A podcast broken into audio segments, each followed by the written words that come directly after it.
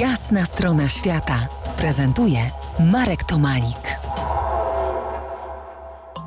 Po jasnej stronie świata Beata Lewandowska-Kaftan, autorka książek o Afryce. Dziś podróżujemy tropami najnowszej książki Beaty Dotyk Afryki, opowieści podróżne.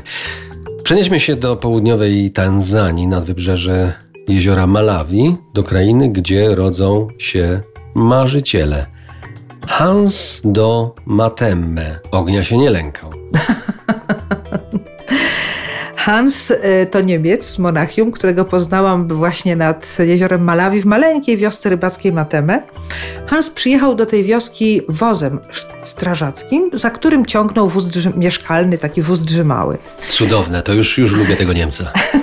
Niemiec rzeczywiście niezwykły. On, y, on, był filmowcem. Przez długie lata jeździł po Afryce i kręcił filmy dokumentalne. E, I miał, kiedy miał około 40 lat, postanowił e, zmienić swoje życie. Nie chciał już dłużej mieszkać w Monachium. Zakochał się w Afryce jak wielu.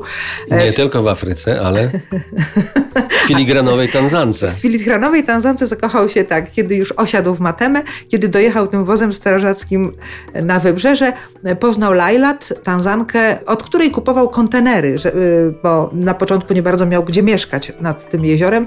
W związku z tym wymyślił sobie, że kupi kilka kontenerów. Ona pracowała właśnie w firmie, która je sprzedawała. Zakochali się w sobie, te no, widocznie dość długo trwały negocjacje handlowe, poszli na kilka randek, skończyło się małżeństwem.